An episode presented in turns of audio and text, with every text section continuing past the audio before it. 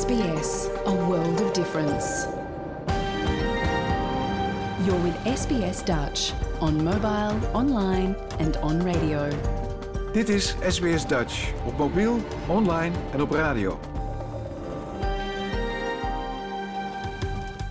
Graag erkennen wij de traditionele eigenaren en verzorgers van het land, van waar we vandaag SBS Dutch uitzenden, en uiten we ons respect aan de Camaragal mensen van de Kurungay Nation en hun ouderlingen uit het heden en het verleden. Ook kennen we de traditionele eigenaren van alle Aboriginal en Torres Strait Islander landen, van waar u vandaag naar ons programma luistert.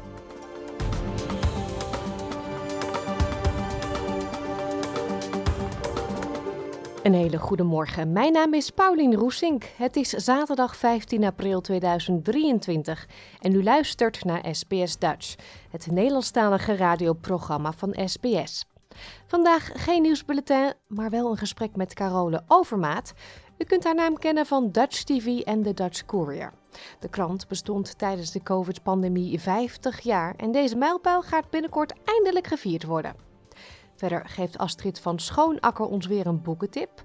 Taalman Frans Hertogs beantwoordt de vraag of je door nieuwe talen te leren ook langer leeft. En u krijgt het willekeurige weekoverzicht uit Nederland. Maar eerst koning Charles. Er zijn namelijk nieuwe details vrijgegeven over de lang verwachte kroningsceremonie volgende maand in Londen.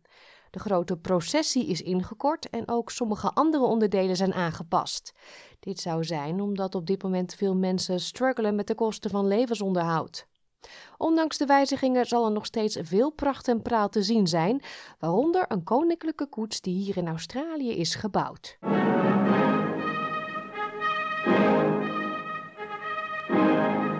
Het is 70 jaar geleden dat het Verenigd Koninkrijk zich voor het laatst klaarmaakte voor een kroning. Maar de kroning van koning Charles III zal die van zijn overleden moeder waarschijnlijk niet overtreffen. Buckingham Palace heeft nieuwe details vrijgegeven over het evenement dat op 6 mei lokale tijd zal plaatsvinden. Zo weten we nu onder meer hoe de koning en de koningin van Buckingham Palace naar Westminster Abbey zullen reizen. Ze gaan door de Mall en langs Trafalgar Square naar de kroningsceremonie en via diezelfde route terug. Dit staat in schril contrast met de 7 kilometer lange tocht van koningin Elisabeth door de stad, waar de 16.000 deelnemers twee uur over deden. Auteur Juliette Reeden schrijft al 13 jaar over de koninklijke familie en hun relatie met Australië. Tegen SBS vertelde ze dat het niet verrassend is dat de koning de ceremonie heeft aangepast om de bezorgdheid over de crisis en kosten van levensonderhoud te weerspiegelen. There was always an expectation that it wouldn't be as lavish as Queen Elizabeth's coronation back in 1953. Um, you know, the optics at the moment, in a time where there's a cost of living crisis, is a very important factor for the king as he starts his reign. And, and also, there's been seven decades since then. Times have changed. That sort of pomp and imperial spectacle that we saw in the last coronation, I don't think is relevant in the same way. Ze reizen heen en terug in de oudste en nieuwste koninklijke koetsen van Groot-Brittannië, waaronder de in Australië gemaakte Diamond Jubilee Stagecoach. De koets is gemaakt door Jim Frecklington aan de noordkust van Sydney en werd voor het eerst gebruikt in 2014 door koningin Elisabeth. De terugreis naar het paleis vindt plaats in The Gold State Coach, dezelfde koets waar koningin Elisabeth in zat tijdens haar eigen kroning. En die werd gebouwd in 1762. Sally Goodser is de curator van decoratieve kunsten bij de Royal Collection Trust. Ze beschrijft de reis met de koets. This coach will be the centrepiece of the much larger and longer procession from Westminster Abbey back to Buckingham Palace on Coronation Day. It's nearly four metres tall, it's over seven metres long, it weighs four tonnes. Because of that, it can only be used at a walking pace, which really adds to the majesty and the stateliness of this great royal procession. Inside is beautifully upholstered in primrose yellow silk, and also fitted into the interior are particular specimen woods. It's a real microcosm of British and world history. There's woods from the royal residences, from explorations, and from other countries and nations as well. In een poging om met de tijd mee te gaan en ook om jonger publiek aan te spreken, heeft het paleis een kroning-emoji uitgebracht. De afbeelding van St. Edward's Crown. De afbeelding van de St. Edward's Crown. In Australië valt de ceremonie op een zondag, maar tot nu toe heeft de federale overheid nog geen nationale feestdag aangekondigd om de gelegenheid te vieren. Mark McGowan, de premier van WA, zegt dat hij een extra feestdag voor de staat overweegt. Premier Anthony Albanese en gouverneur-generaal David Hurley zullen beide de reis naar Londen maken, samen met een groep speciale burgers die door Albanese zijn geselecteerd om Australië te vertegenwoordigen. Mevrouw Reeden zegt dat het veelbetekenend is dat koning Charles ook jongeren en mensen die betrokken zijn bij liefdadigheid heeft uitgenodigd. There are over 850 community and charity representatives invited to this coronation. That is new. We're throwing out a lot of those peers and and other people, uh, members of the aristocracy who may be connected to the royal family, and replacing them with 400 young people and 450 community workers. I, I think it, it's sort of placing the king's reign as he's he's placing himself as sort of the people's king. I think he wants to repre- show that this coronation is there for the people. He's trying to connect to the people. He's trying to involve everybody in the coronation. Albanese zegt dat het paleis specifiek heeft gevraagd om een aanzienlijke vertegenwoordiging van indigenous Australiërs in de groep en ook om defensiepersoneel. De hertog en hertogin van Sussex zijn ook uitgenodigd, maar bekend is geworden dat alleen prins Harry naar Londen zal komen om de kroning van zijn vader bij te wonen. Zijn vrouw Meghan blijft thuis bij de kinderen. Dit verhaal werd gemaakt door Cat Landers en Kira Hein voor SBS Nieuws en door SBS Dutch vertaald in het Nederlands. Gaan we verder met de Dutch Courier. Die bestond tijdens de COVID-pandemie namelijk 50 jaar. Uiteraard kon die mijlpaal toen niet gevierd worden vanwege de vele lockdowns, maar daar komt binnenkort verandering in. Op 23 april organiseert Carol Overmaat, de drijvende kracht achter de krant en eerder ook Dutch TV, een speciaal feestje. En iedereen is welkom. Jouw gemeenschap, jouw gesprek, SBS Dutch. Carol, ik zie allemaal uh, gezellige posts voorbij komen, want jij bent in de feeststemming, zo lijkt het. Ja, niet alleen ik. De Dutch Courier uh, is al, ja, al drie jaar, 50 jaar, uh, probeer ik dat feestje te vieren. En uh, dus ik dacht, nou, nou is het eindelijk de tijd dat we dat feest kunnen vieren van 50 jaar Dutch Courier. Ja, en dat betekent en, dus voor de mensen die snel rekenen, de, de krant is opgericht in de jaren 70. Ja, klopt. Kan je nagaan. Ik ben ook in 70 geboren. Dus de krant is net zo oud als ik zelf ben. Dus dat vond ik, vind ik eigenlijk wel bijzonder. Ja. ja. En hoe ga je dat, uh, dat verjaardagsfeestje aankleden? Ja, ik ga het. Uh, ik dacht inderdaad eerst van ik doe gewoon een feestje, hè? gewoon leuke muziek en uh, voor wat mensen bij elkaar en, en dat is het. Maar ik heb natuurlijk een Dutch tentoonstelling gemaakt die ik probeer te laten zien aan mensen, ook om te laten zien hè, wat in die afgelopen 50 jaar eigenlijk gebeurd is met de courier. En toen dacht ik, weet je wat eigenlijk wel leuk is? Ik ga de tentoonstelling uh, sowieso ook laten zien hè, op het uh, Dutch Courier Feest. Maar dat we eigenlijk een gedeelte zijn van die tentoonstelling. Dus we zitten in de tentoonstelling met tafels, met allemaal mensen die, uh, die waarschijnlijk 1970, of bijna zeker, die 1970 hebben meegemaakt. En dan om ons heen is de tentoonstelling. En ik heb films van Dutch TV natuurlijk. En van andere mensen. Dat je kan zien dat je in de jaren 70 bent. Dus het is meer een, event aan het worden. En ik vind het ook wel leuk dat iedereen. Nu begint iedereen een beetje mee te denken en mee te werken. Dus het gaat eigenlijk van. Oh, we gaan gewoon leuk een feestje organiseren. Hoop ik meer dat het een evenement wordt. Uh, waar we allemaal een onderdeel van zijn. Leuk. Ja. Als jij door die kranten bladert hè, en kijkt naar je archief, is de krant veranderd in al die jaren? Uh, het leuke is dat heel veel mensen die vroeger schreven nog steeds schrijven. Uh, ik heb inderdaad uh, Andries Snoek, die schrijft nog steeds en die zegt ook, nou dat blijf ik gewoon doen. Uh, Bierman heeft heel lang geschreven. er zijn echt bekende namen die, die, die blijven. Uh, maar je toch wel, elke keer is als er een andere editor is, ja, iedereen geeft toch wel zijn eigen invulling een beetje. Ja, ik zelf heb er nu een uh, wellnesspagina ingezet. Omdat ik zelf natuurlijk heel erg van, uh, van de yoga ben.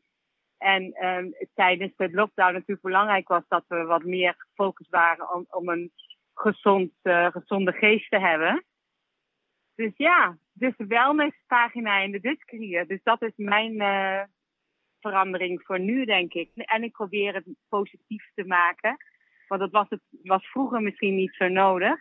En wilden ze altijd nieuws. En nieuws is toch heel vaak drama. Maar ik wil juist niet op die drama zitten. Ik wil gewoon op positief nieuws zitten. Je kan kiezen tussen nieuws. Is het positief of is het negatief? Ik wil niet zeggen dat je niet de waarheid laat uh, horen. Maar ik wil het toch graag met een positieve noot. Ja, een krant die opgericht is in de jaren zeventig. Uh, een, een, feestje, nou dat uh, 1 en 1 is 2. Ik zeg allemaal de disco-outfit aan en die dansvloer op, of niet?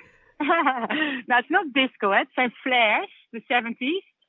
Uh, ja, dus sommige mensen hebben de 70s kleren aan. Die gaan ze aandoen. Maar het hoeft niet. Dat is wel echt heel Australisch, hè, om je dan te gaan verkleden. Dat is wel leuk als die twee culturen zo bij elkaar komen. Ja, ja, dat zou heel leuk zijn. Ja, we zullen zien. En ik vind het ook wel leuk als jong en oud komt. En ik merk nu wel steeds meer dat de, de kleinkinderen bijvoorbeeld, die vinden 70 jaren muziek ook leuk. En die vinden het natuurlijk leuk om te zien wat hun heritage is. Hè? Ik bedoel, mensen zoals onze leeftijd hebben zoiets van ja, we weten het wel. Uh, hè, dat hebben we nog heel dicht in ons hoofd zitten van in, in Nederland zijn. Maar als je hier geboren bent, dan heb je toch die drang om wat meer te weten over je, over je Nederland zijn. En dat, ja, ik ga toch proberen daar wat meer, uh, niet alleen maar dit feest, wat meer op te richten. Wat meer op die groep ook. Om, ja, want het is belangrijk om te weten waar je vandaan komt. Hmm. Betekent dat dat je ook nog hulp nodig hebt voor de playlist? Want er gaat vast een leuke playlist komen. Veel mooie muziek uit Nederland in de jaren zeventig. Ja, nou, het zou, het zou heel leuk zijn uh, als mensen met verzoekjes komen. Want dan kan ik dat weer aan de DJ's zeggen. En ook voor, ja, hè, voor, je, voor jouw luisteraar. Het is natuurlijk leuk om ook bij dit project uh, betrokken te zijn. Zonder dat je eigenlijk er kan zijn. En gewoon op die dag, 23 april, misschien zelf eventjes 70s muziek opzetten thuis en luisteren naar de teksten. Want ik, jij vroeg gisteren wat voor liedje uh, wil jij kiezen.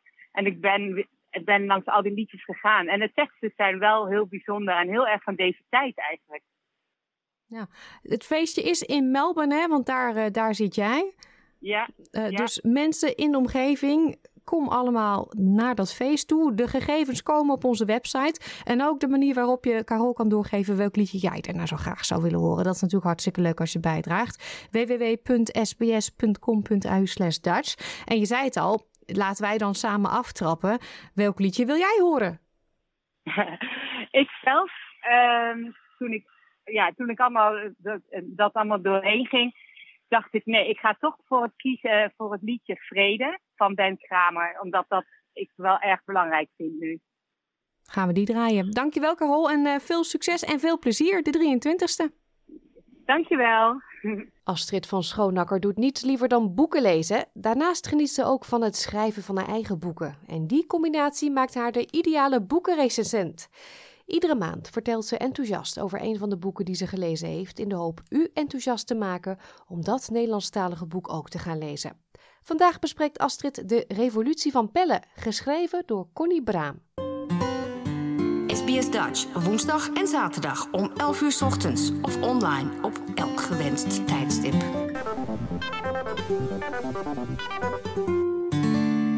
Astrid, jij hebt vandaag een beetje girl power meegenomen volgens mij. Zeker, zeker. Ja, daar is eigenlijk geen beter voorbeeld van uh, op dit moment uh, in de Nederlandse literatuur. Uh, want het is het boek, het nieuwste boek van Connie Braam. het boek heet De Revolutie van Pelle. En ja, dat is een geweldig boek. Niet alleen waar girl power in centraal staat, maar waar je ook een mooi inkijkje krijgt in de geschiedenis van Nederland. En ja, wat ik eigenlijk heel erg mooi vind, is dat uh, ik eigenlijk al in 2000 het eerste boek van Connie Braam las.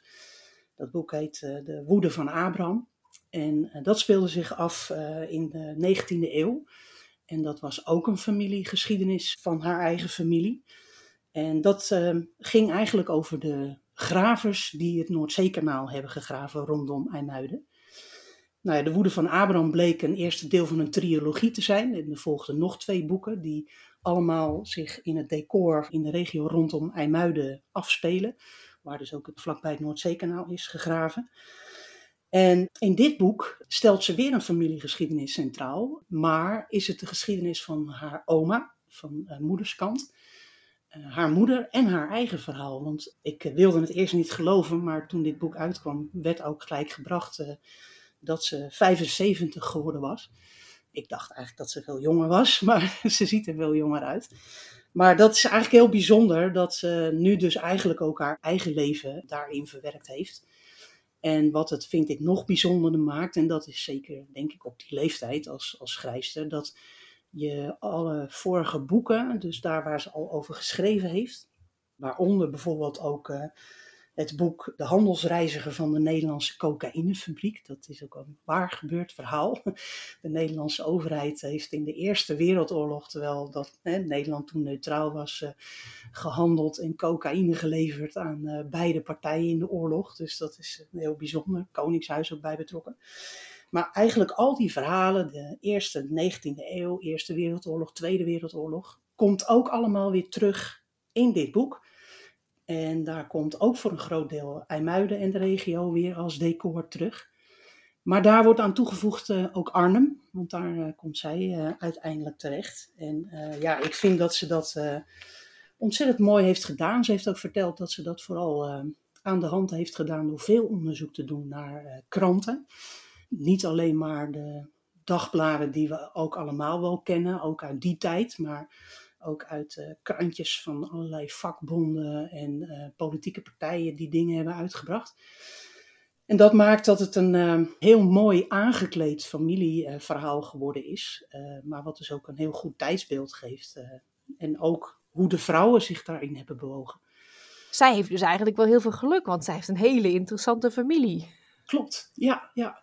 Maar weet je, ik ben er ook wel van overtuigd dat um, ik denk dat als iedereen zou gaan graven in zijn eigen familiegeschiedenis, wat tegenwoordig ook helemaal niet zo ingewikkeld meer is als je een beetje de weg weet te vinden op internet, want tegenwoordig is er echt heel veel beschikbaar online, dat je, ja, ik, ik ben ervan overtuigd dat je dan altijd ook wel interessante voorouders tegenkomt, of in ieder geval wel de verhalen die, die rondom de voorouders hebben gespeeld. En ik denk, ja, die zijn voor ons nu in deze tijd, denk ik, altijd wel interessant. Ja, ja. Maar je hebt gelijk, dit, hier zaten wel hele bijzondere familie, mensen in haar familie. Waaronder bijvoorbeeld haar uh, oma Kate. Daar begint het verhaal ook bij, het eerste deel van uh, dit uh, kloeke boek van 570 pagina's. Op het moment dat het verhaal begint, dan is Kate, Kate Pelle heet ze van haar achternaam, nog maar een meisje.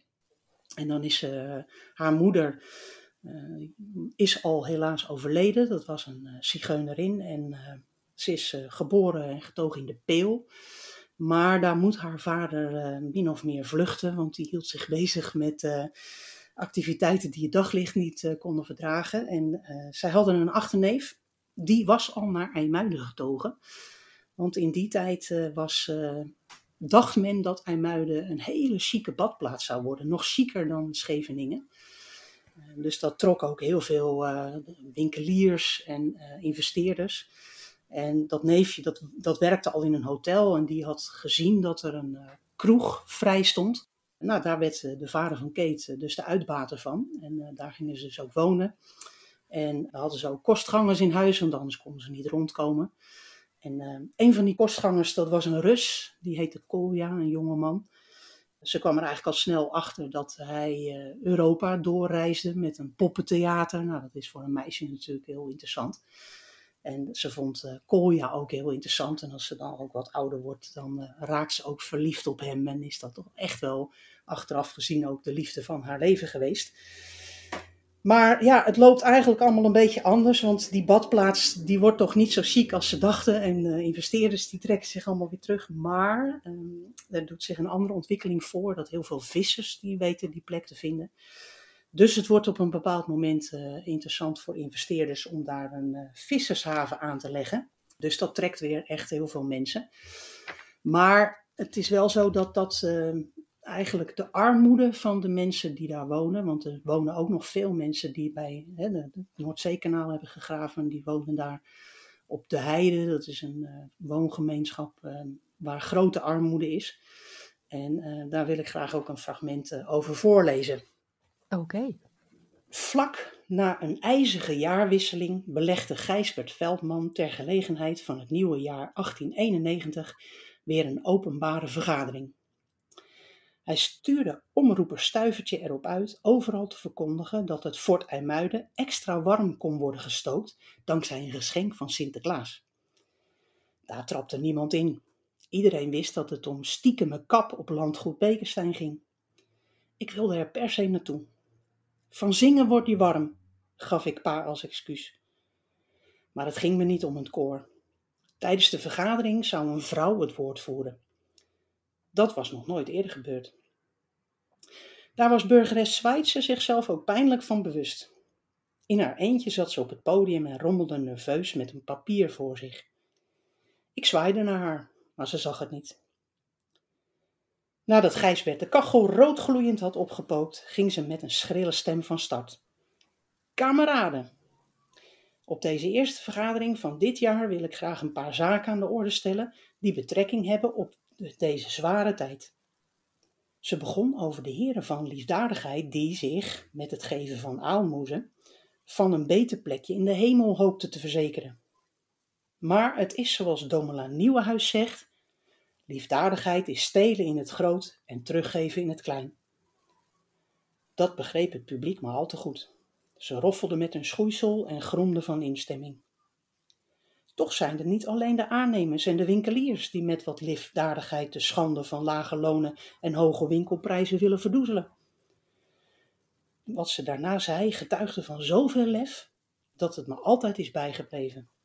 Want in de zaal zaten vrijwel uitsluitend mannen. Het is begrijpelijk dat werkloosheid, economische malaise en honger onze mannen tot wanhoop drijven. Dat ze in hun ellende naar alcohol grijpen, vindt menigeen misschien vergeeflijk. Maar dat geldt uiteraard niet voor hun vrouwen en kinderen. Weet je dat zelfs in een achterafkroegje bij de Zeestraat jaarlijks zo'n 3000 liter jenever wordt geschonken? Maar is de kroegbaas wel schuldig omdat hij van de situatie profiteert? Of ligt de schuld in eerste plaats bij de klanten? Bij onze mannen die hun ellende willen verzuipen? Terecht voelen ze zich slachtoffer van het onrecht dat hen is aangedaan, maar geeft hen het recht om nieuwe slachtoffers te maken. Want wie betalen het gelach als die kroeglopers bezopen thuiskomen en in hun vertwijfeling vrouw en kinderen in elkaar slaan? Ik mag toch echt wensen dat onze arbeiders, zij die zoveel voortbrengen voor onze samenleving, dit komend jaar niet langer bezwijken voor de verleiding van de drank om zodoende hun laatste greintje zelfrespect te verliezen.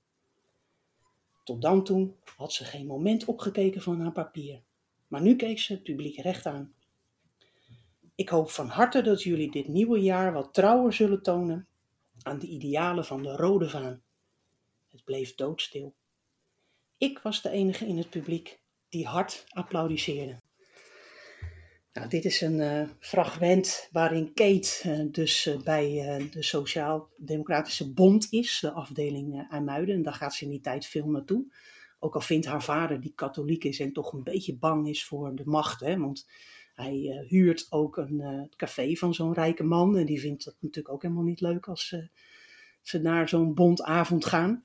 Maar hier is wel waar Kate, ook al is ze nog jong, ehm, ja, zich gehoord voelt. Uh, ze ziet de erkenning, maar ze hoort ook teksten. En ja, ze wordt daarin meegezogen. Ze gaat daar mooie liederen zingen. Dus ze voelt zich daar heel erg thuis. En dat, um, ja, dat stookt bij haar eigenlijk ook het vuurtje van binnen op. Dat ze een heel groot uh, rechtvaardigheidsgevoel heeft. Om zich ook te bekommeren over hè, de mensen die daar ook in die uh, woongemeenschap wonen, die het ook heel erg arm hebben. En in welke tijd speelt dit zich af ongeveer? Dit is eigenlijk eind 19e eeuw. Dan zie je dus ook dat hè, de armoede daar is. En nou ja, zij voelt zichzelf dan eigenlijk ook, of ziet om zich heen dat mensen die trouwen, ja, eigenlijk een, vrouwen dan gevangen raken en dat ze zich niet kan ontwikkelen.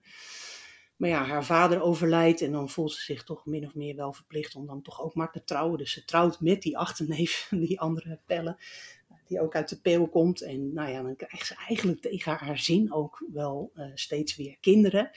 Ze eigenlijk ook liever niet wil. Want ja, ze moeten al die monden ook voeden. En op het moment dat ze die kroeg kwijtraken en haar man die brengt ook niet zo heel veel geld thuis, want dat is er ook eentje van 12 steden, 13 ongelukken. Ja, wordt dat voor haar eigenlijk allemaal wel uh, heel erg moeilijk, maar ze blijft uh, strijden voor de goede zaak. Nou ja, de kinderen die ze krijgen, daar uh, zit onder andere een dochter bij, dochter Grada. En dat is eigenlijk de tweede vrouw die in het boek centraal staat. En daar begint ook het tweede deel mee. Dan zitten we in de crisistijd. Dus dat is zo'n beetje rond 1920, 1930. Dat het dan nog slechter is voor de arbeiders en de werklozen in Nederland. En Grada die groeit op die manier op. Um, ja, zorgt thuis ook veel voor het huishouden en de broertjes en zusjes. Omdat haar moeder ook natuurlijk wat ouder wordt. Maar er is weinig geld, dus op een gegeven moment moet ze toch ook gaan werken. Maar ze heeft de lagere school niet af kunnen maken. Maar ze komt uh, met hulp van bemiddeling van de pastoor, want de vader is nog steeds uh, van de katholieke kant, terwijl de moeder daar niks van wil weten. Maar via de pastoor komt ze bij een huisarts terecht en uh, daar wordt ze kindermeisje. En die huisarts heeft zijn eerste vrouw verloren. En die heeft een nieuwe vrouw, een jonge vrouw. En die leeft eigenlijk, en dat had je in die, die Roaring Twenties natuurlijk ook, vrouwen die heel erg bewust waren van wij zijn de vrouwen van de nieuwe tijd en wij pakken die vrijheid wel. En uh, nou ja, dat inspireert haar wel. Uh, dus Grada ziet dat allemaal. En die vrouw die zegt ook tegen haar van... ...jong, je moet gewoon uitgaan op zaterdagavond en niet alleen thuis werken. Want dan kun je misschien een leuke man ontmoeten. Nou, dat gebeurt ook. Dan komt ze Nico Braam tegen. Daar wordt ze verliefd op. Maar ehm, ja, dan komt de oorlog eraan. Nico wordt gemobiliseerd, dus die is ook getuige van het bombardement in Rotterdam. En ja, daar komt hij eigenlijk wel getraumatiseerd uit. En uh, daarom zijn ze eigenlijk wel blij dat hij een baan kan krijgen in Arnhem.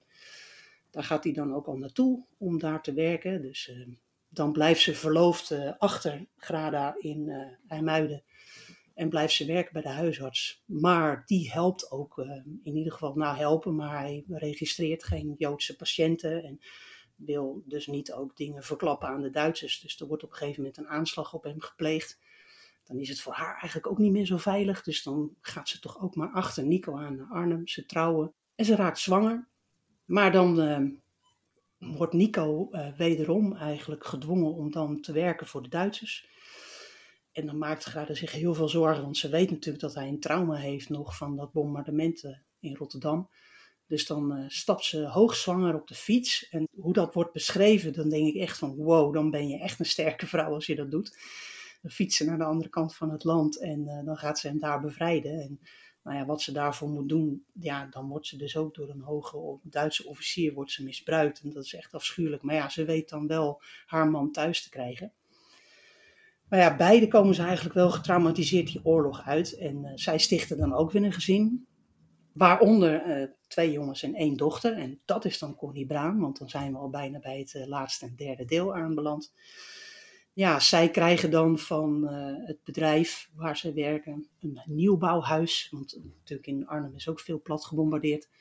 Er worden nieuwe huizen gebouwd, maar ja, dat is dan wel een nieuwbouwwijk met uh, de spruitjeslucht van de jaren 50 en 60 waarin zij dan opgroeit.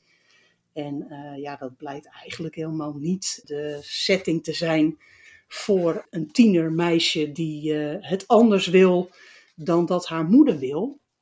Connie komt aardig wel op de lagere school door, maar dan uh, gaat het om de schoolkeuze en daar wil ik graag een fragment over voorlezen, omdat ik denk dat dat heel goed illustreert hoe uh, zeg maar Connie is als mens.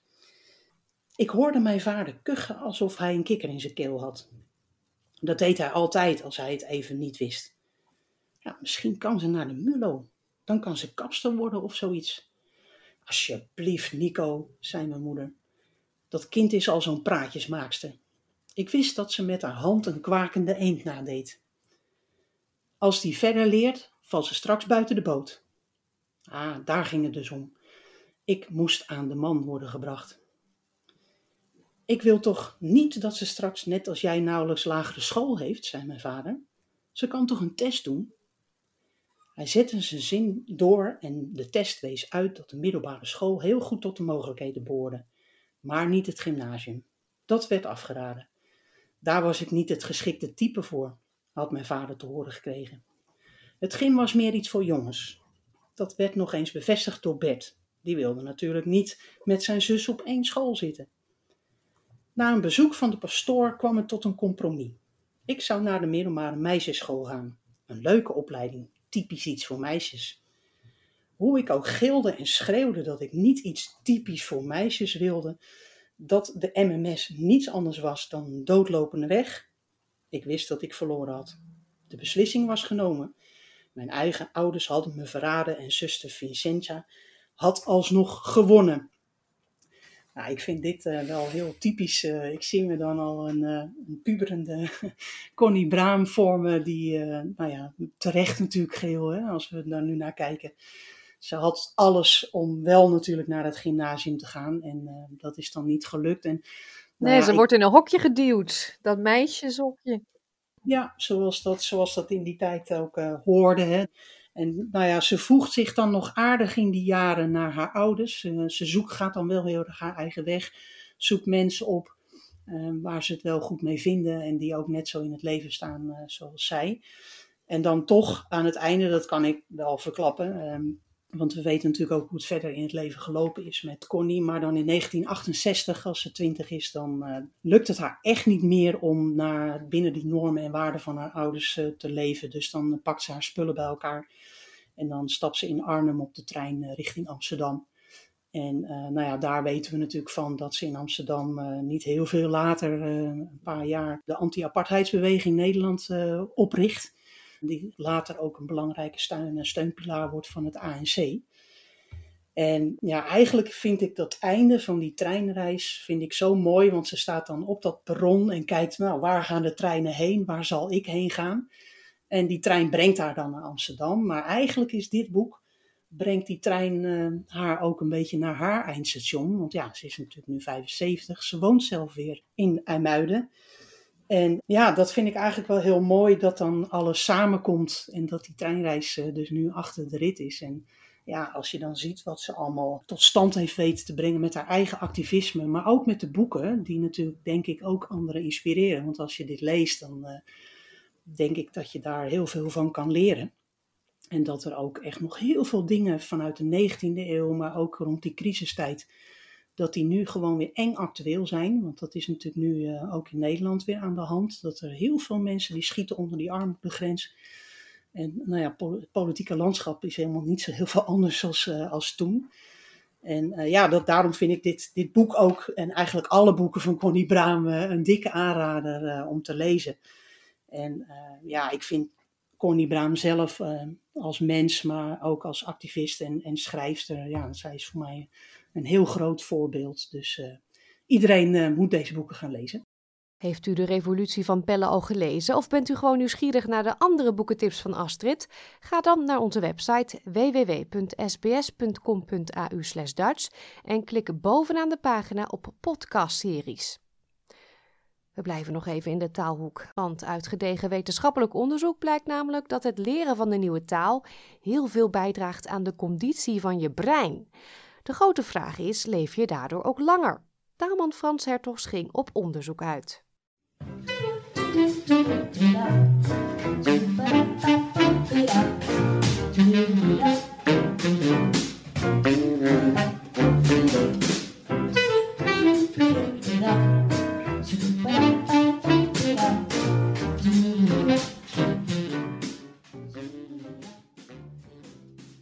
ouder met talen. Hoe oud kun je worden? Ja, we hebben allemaal een aantal aangeboren eigenschappen meegekregen, die onder andere bepalen hoe lang we kunnen leven. En we weten intussen allemaal wat we kunnen doen om langer te leven. Ja, naarmate je ouder wordt, slijt er het een en ander aan lichaam en geest. Dat is onvermijdelijk. De natuur heeft ons zo gemaakt dat we plaats maken voor een volgende generatie. Maar gelukkig, gelukkig kunnen we er wel wat aan doen om de slijtage te vertragen. Gezond eten en drinken, sporten, goede relaties en het hebben van een huisdier, ja, het helpt allemaal al een heel stuk. Maar wat de wetenschap pas kort geleden heeft ontdekt, Dat is bijna ongelooflijk. Het is wetenschappelijk aangetoond dat het leren van een nieuwe taal het ouderdomsproces vertraagt. Dat is de uitkomst van een aantal onderzoeken waarbij de deelnemers werden getest op intelligentie en cognitieve vaardigheden. Dat, dat zijn allerlei soorten denkmiddelen. Vaardigheden zoals aandacht, concentratie, geheugen, oriëntatie en nog veel meer hebben te maken met taal en communicatie. Nou, en uit dat onderzoek bleek dat ook meertalige ouderen die een nieuwe taal hadden geleerd, beschikten over betere cognitieve intelligentie. Die beschikten ook over een veel grotere leesvaardigheid dan leeftijdsgenoten die maar één taal kenden. Nou, als je eens rondkijkt bij die cognitieve functies, dan vind je daar belangrijke oorzaken van slijtage.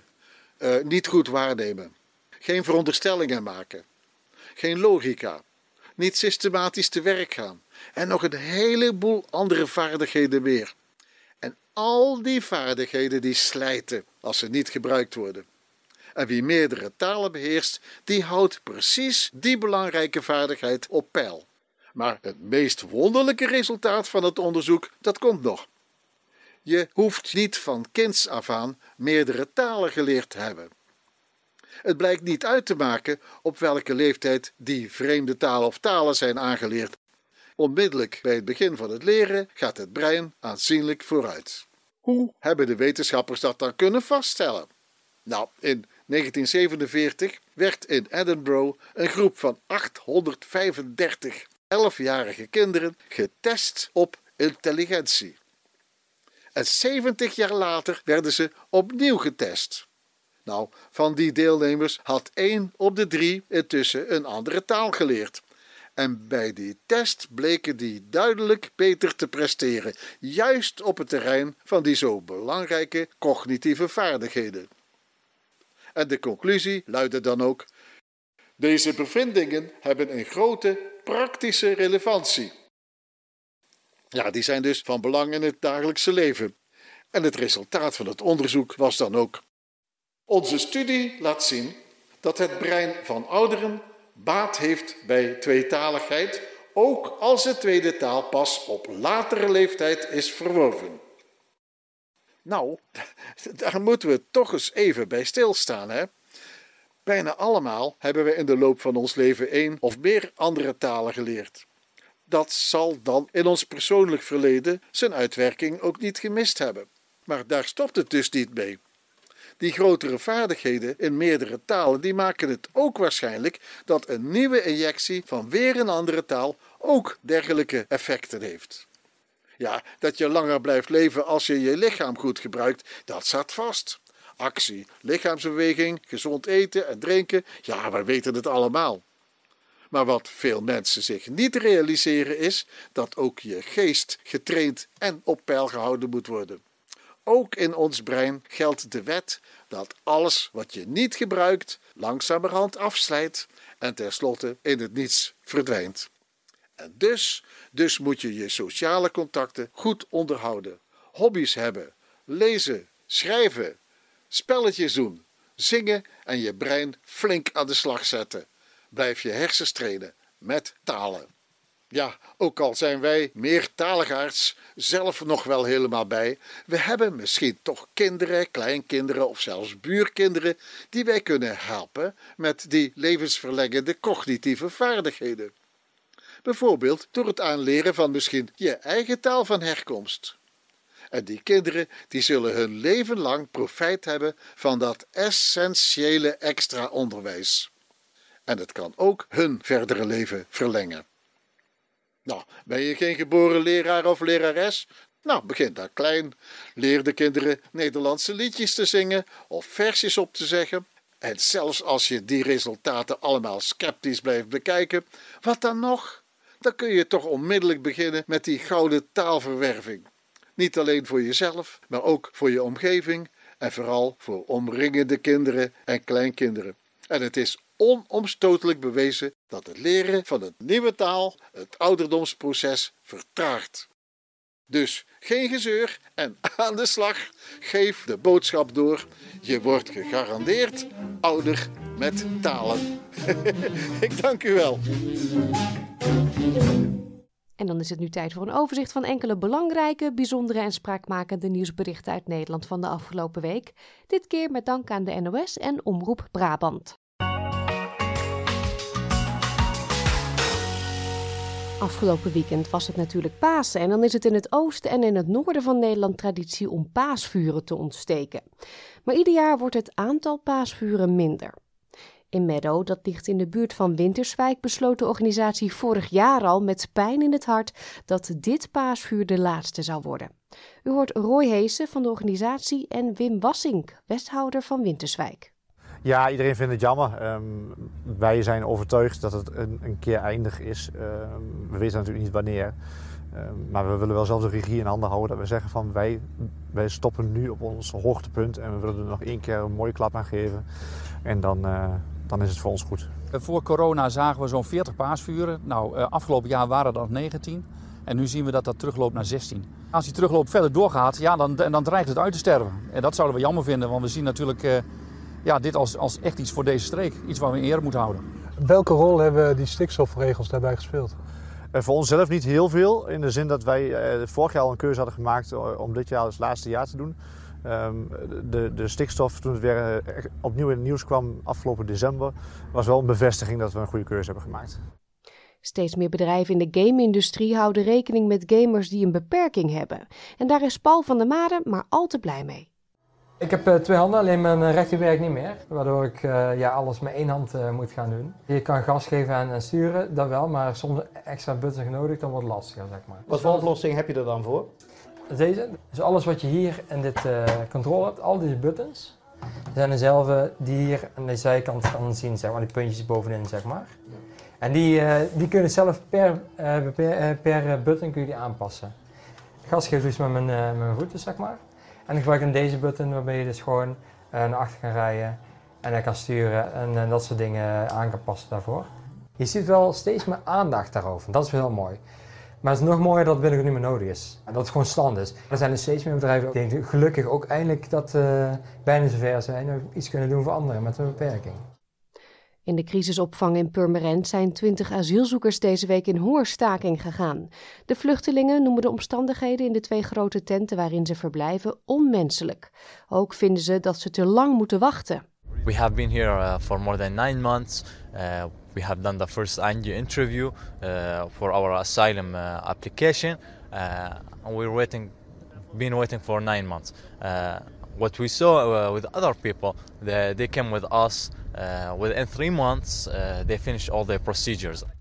Mooi dierennieuws met een Australisch tintje uit het Brabantse Best. Want in dierentuin Best Zoo is een wombat geboren. Het is voor het eerst dat er zo'n buideldier in Nederland geboren is. Zo vertelde deze verzorger aan Omroep Brabant. Zij is al een tijdje terug, ja, is bevallen van een kleintje. En die zit nu in de buidel. En het is uh, nou voor het eerst voorgekomen dat we het kleintje, jong, hebben kunnen zien. Bij wombats is het dus zo dat uh, jongen, net zoals bij kangoeroes, zitten maar een heel korte dracht hebben ze. En dan komt Jong, kruipt dan vanuit uh, ja, de buik naar de buidel. En dan groeit hij eigenlijk verder in de buidel. Ik heb hem ook pas één keer gezien en ik kom er iedere dag. Dus de kans dat je dat kleintje ziet is eigenlijk heel klein. Ja, dat is, ja echt heel klein. Toen Joyce Zwaard en haar man samen geen kinderen konden krijgen, besloten ze de hulp in te schakelen van een spermadonor. Hun oog viel op Jonathan M., die aangaf maximaal tien gezinnen te zullen helpen en met wie hulp ze uiteindelijk twee kinderen mochten krijgen.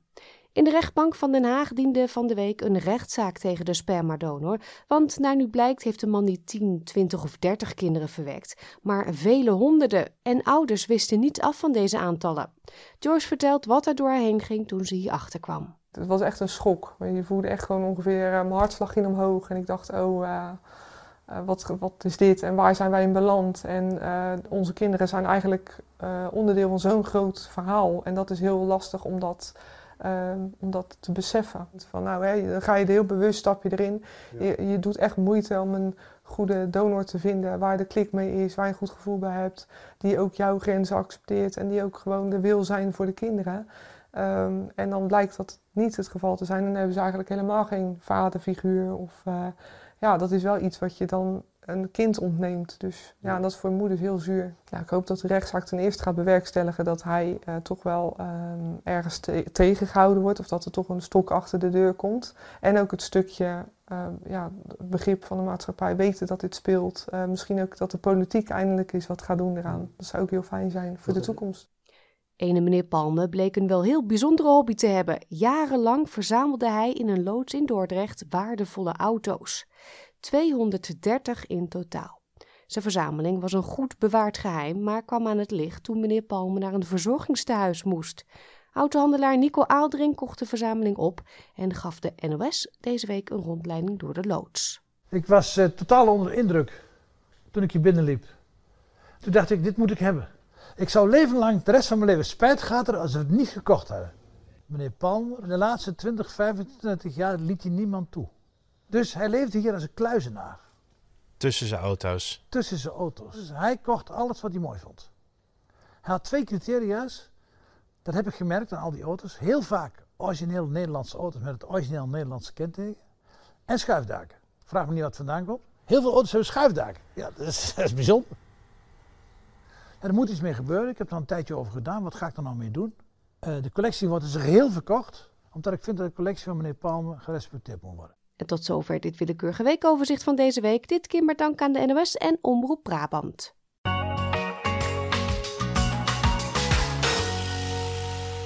En met dit willekeurige weekoverzicht komen we aan het einde van deze aflevering van SBS Dutch op zaterdag 15 april. Op onze website www.sbs.com.au/dutch kunt u deze uitzending en al onze andere verhalen en podcastseries terugluisteren. Denk aan de Podcast Podcast, Aan Boord en de 12 provinciën. U kunt ook de gratis SBS Audio app downloaden in de App Store of Google Play. En dat is dan weer heel handig voor op uw mobiele telefoon of tablet. We zijn uiteraard ook te volgen op Facebook, www.facebook.com sbsduits. Als u het leuk vindt, kunt u ons liken en reageren op onze onderwerpen. We sluiten af met Goetold Ramse Shaffi en zijn zing, vecht, huil, bid, lach, werk en bewonder. Ik wens u een heel fijn weekend en heel graag tot woensdag. Like, deel, geef je reactie. Volg SBS Dutch op Facebook.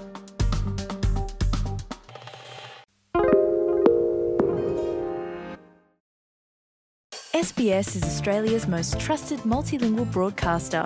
Our listeners are loyal, highly engaged, and have supported countless local businesses. We offer advertising packages for businesses of all sizes.